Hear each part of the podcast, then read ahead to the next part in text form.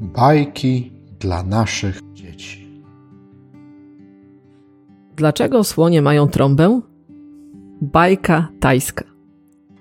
Dżungla żyła swoim własnym życiem.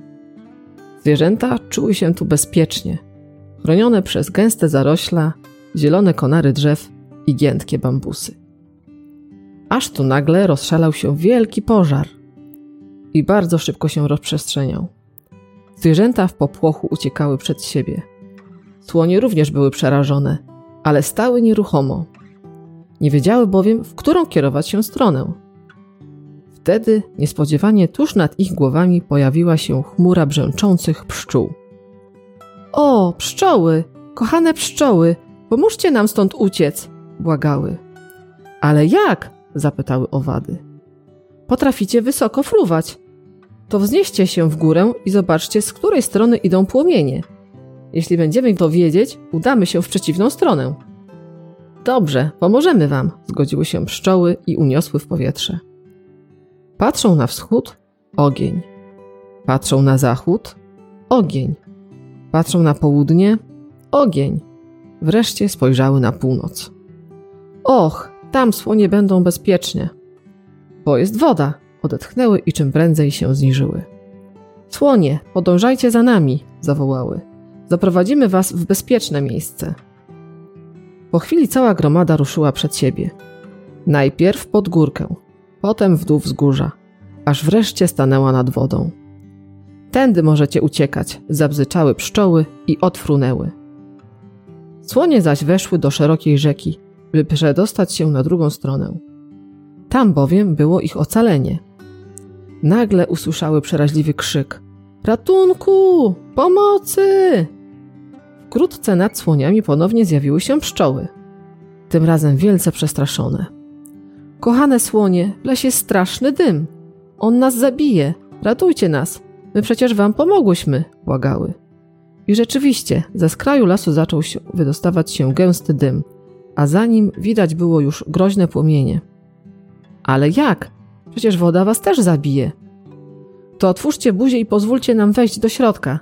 Tam będziemy bezpieczne, poprosiły pszczoły. Słonie bez wahania otworzyły usta i pozwoliły pszczołom wejść do środka, a one natychmiast powędrowały do wnętrza ich głowy. Po chwili rozbrzmiewało w nich nieustanne bzyczenie. Mocno jednak trzymały język za zębami, aby nie wypuścić pszczół. I dalej kontynuowały wędrówkę przez rzekę. Z każdym krokiem woda była coraz głębsza i głębsza. A musicie wiedzieć, że w czasach, kiedy to wszystko się działo, słonie miały tak krótkie nosy jak świnie. Dlatego teraz nie mogły zaczepnąć powietrza. Kiedy już wydawało się, że na zawsze pozostaną w rzece, poczuły pod nogami grunt. Po paru krokach bezpiecznie dotarły na brzeg. Z dala od płomieni i żrącego dymu natychmiast otworzyły buzię. Możecie już wyjść, ulgą powiedziały do pszczół. Ale po co? Nam jest bardzo dobrze. Jest cieplutko i ciemno. Odtąd tu będziemy robić miód.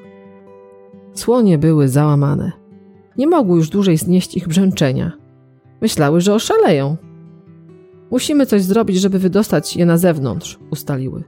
Najlepiej jak polejemy je wodą. I każdy słoń wsadził nos do wody, zrobił duży łyk i prychnął. To jednak nie zadziałało.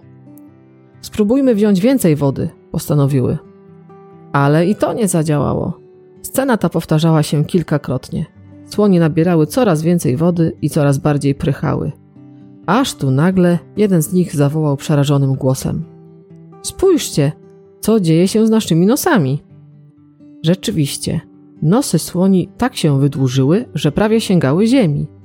Nie zmartwiły się jednak tym, ponieważ bardzo im dokuczało bzyczenie pszczół. Było nie do zniesienia. Ich myśli zajęte były znalezieniem sposobu na pozbycie się intruzów. Słuchajcie, pszczoły obawiały się dymu, zauważył najmłodszy słoń. Może tak się ich pozbędziemy? Rozpaliły ognisko straw i pochyliły nad obfitym dymem. Każdy wziął głęboki oddech i wstrzymał go w sobie. I zadziałało. Nie mogąc znieść dymu, pszczoły w popłochu wylatywały długimi nosami słonia. Ale takim się spodobał czas spędzony w głowach słoni, że odtąd zaczęły robić swoje domy wewnątrz wydrążonych drzew. Ciemne otwory przypominają im wnętrze łba słonia. A słonie, one czasem tak się czują, jakby pszczoły wciąż gnieździły się w ich głowach.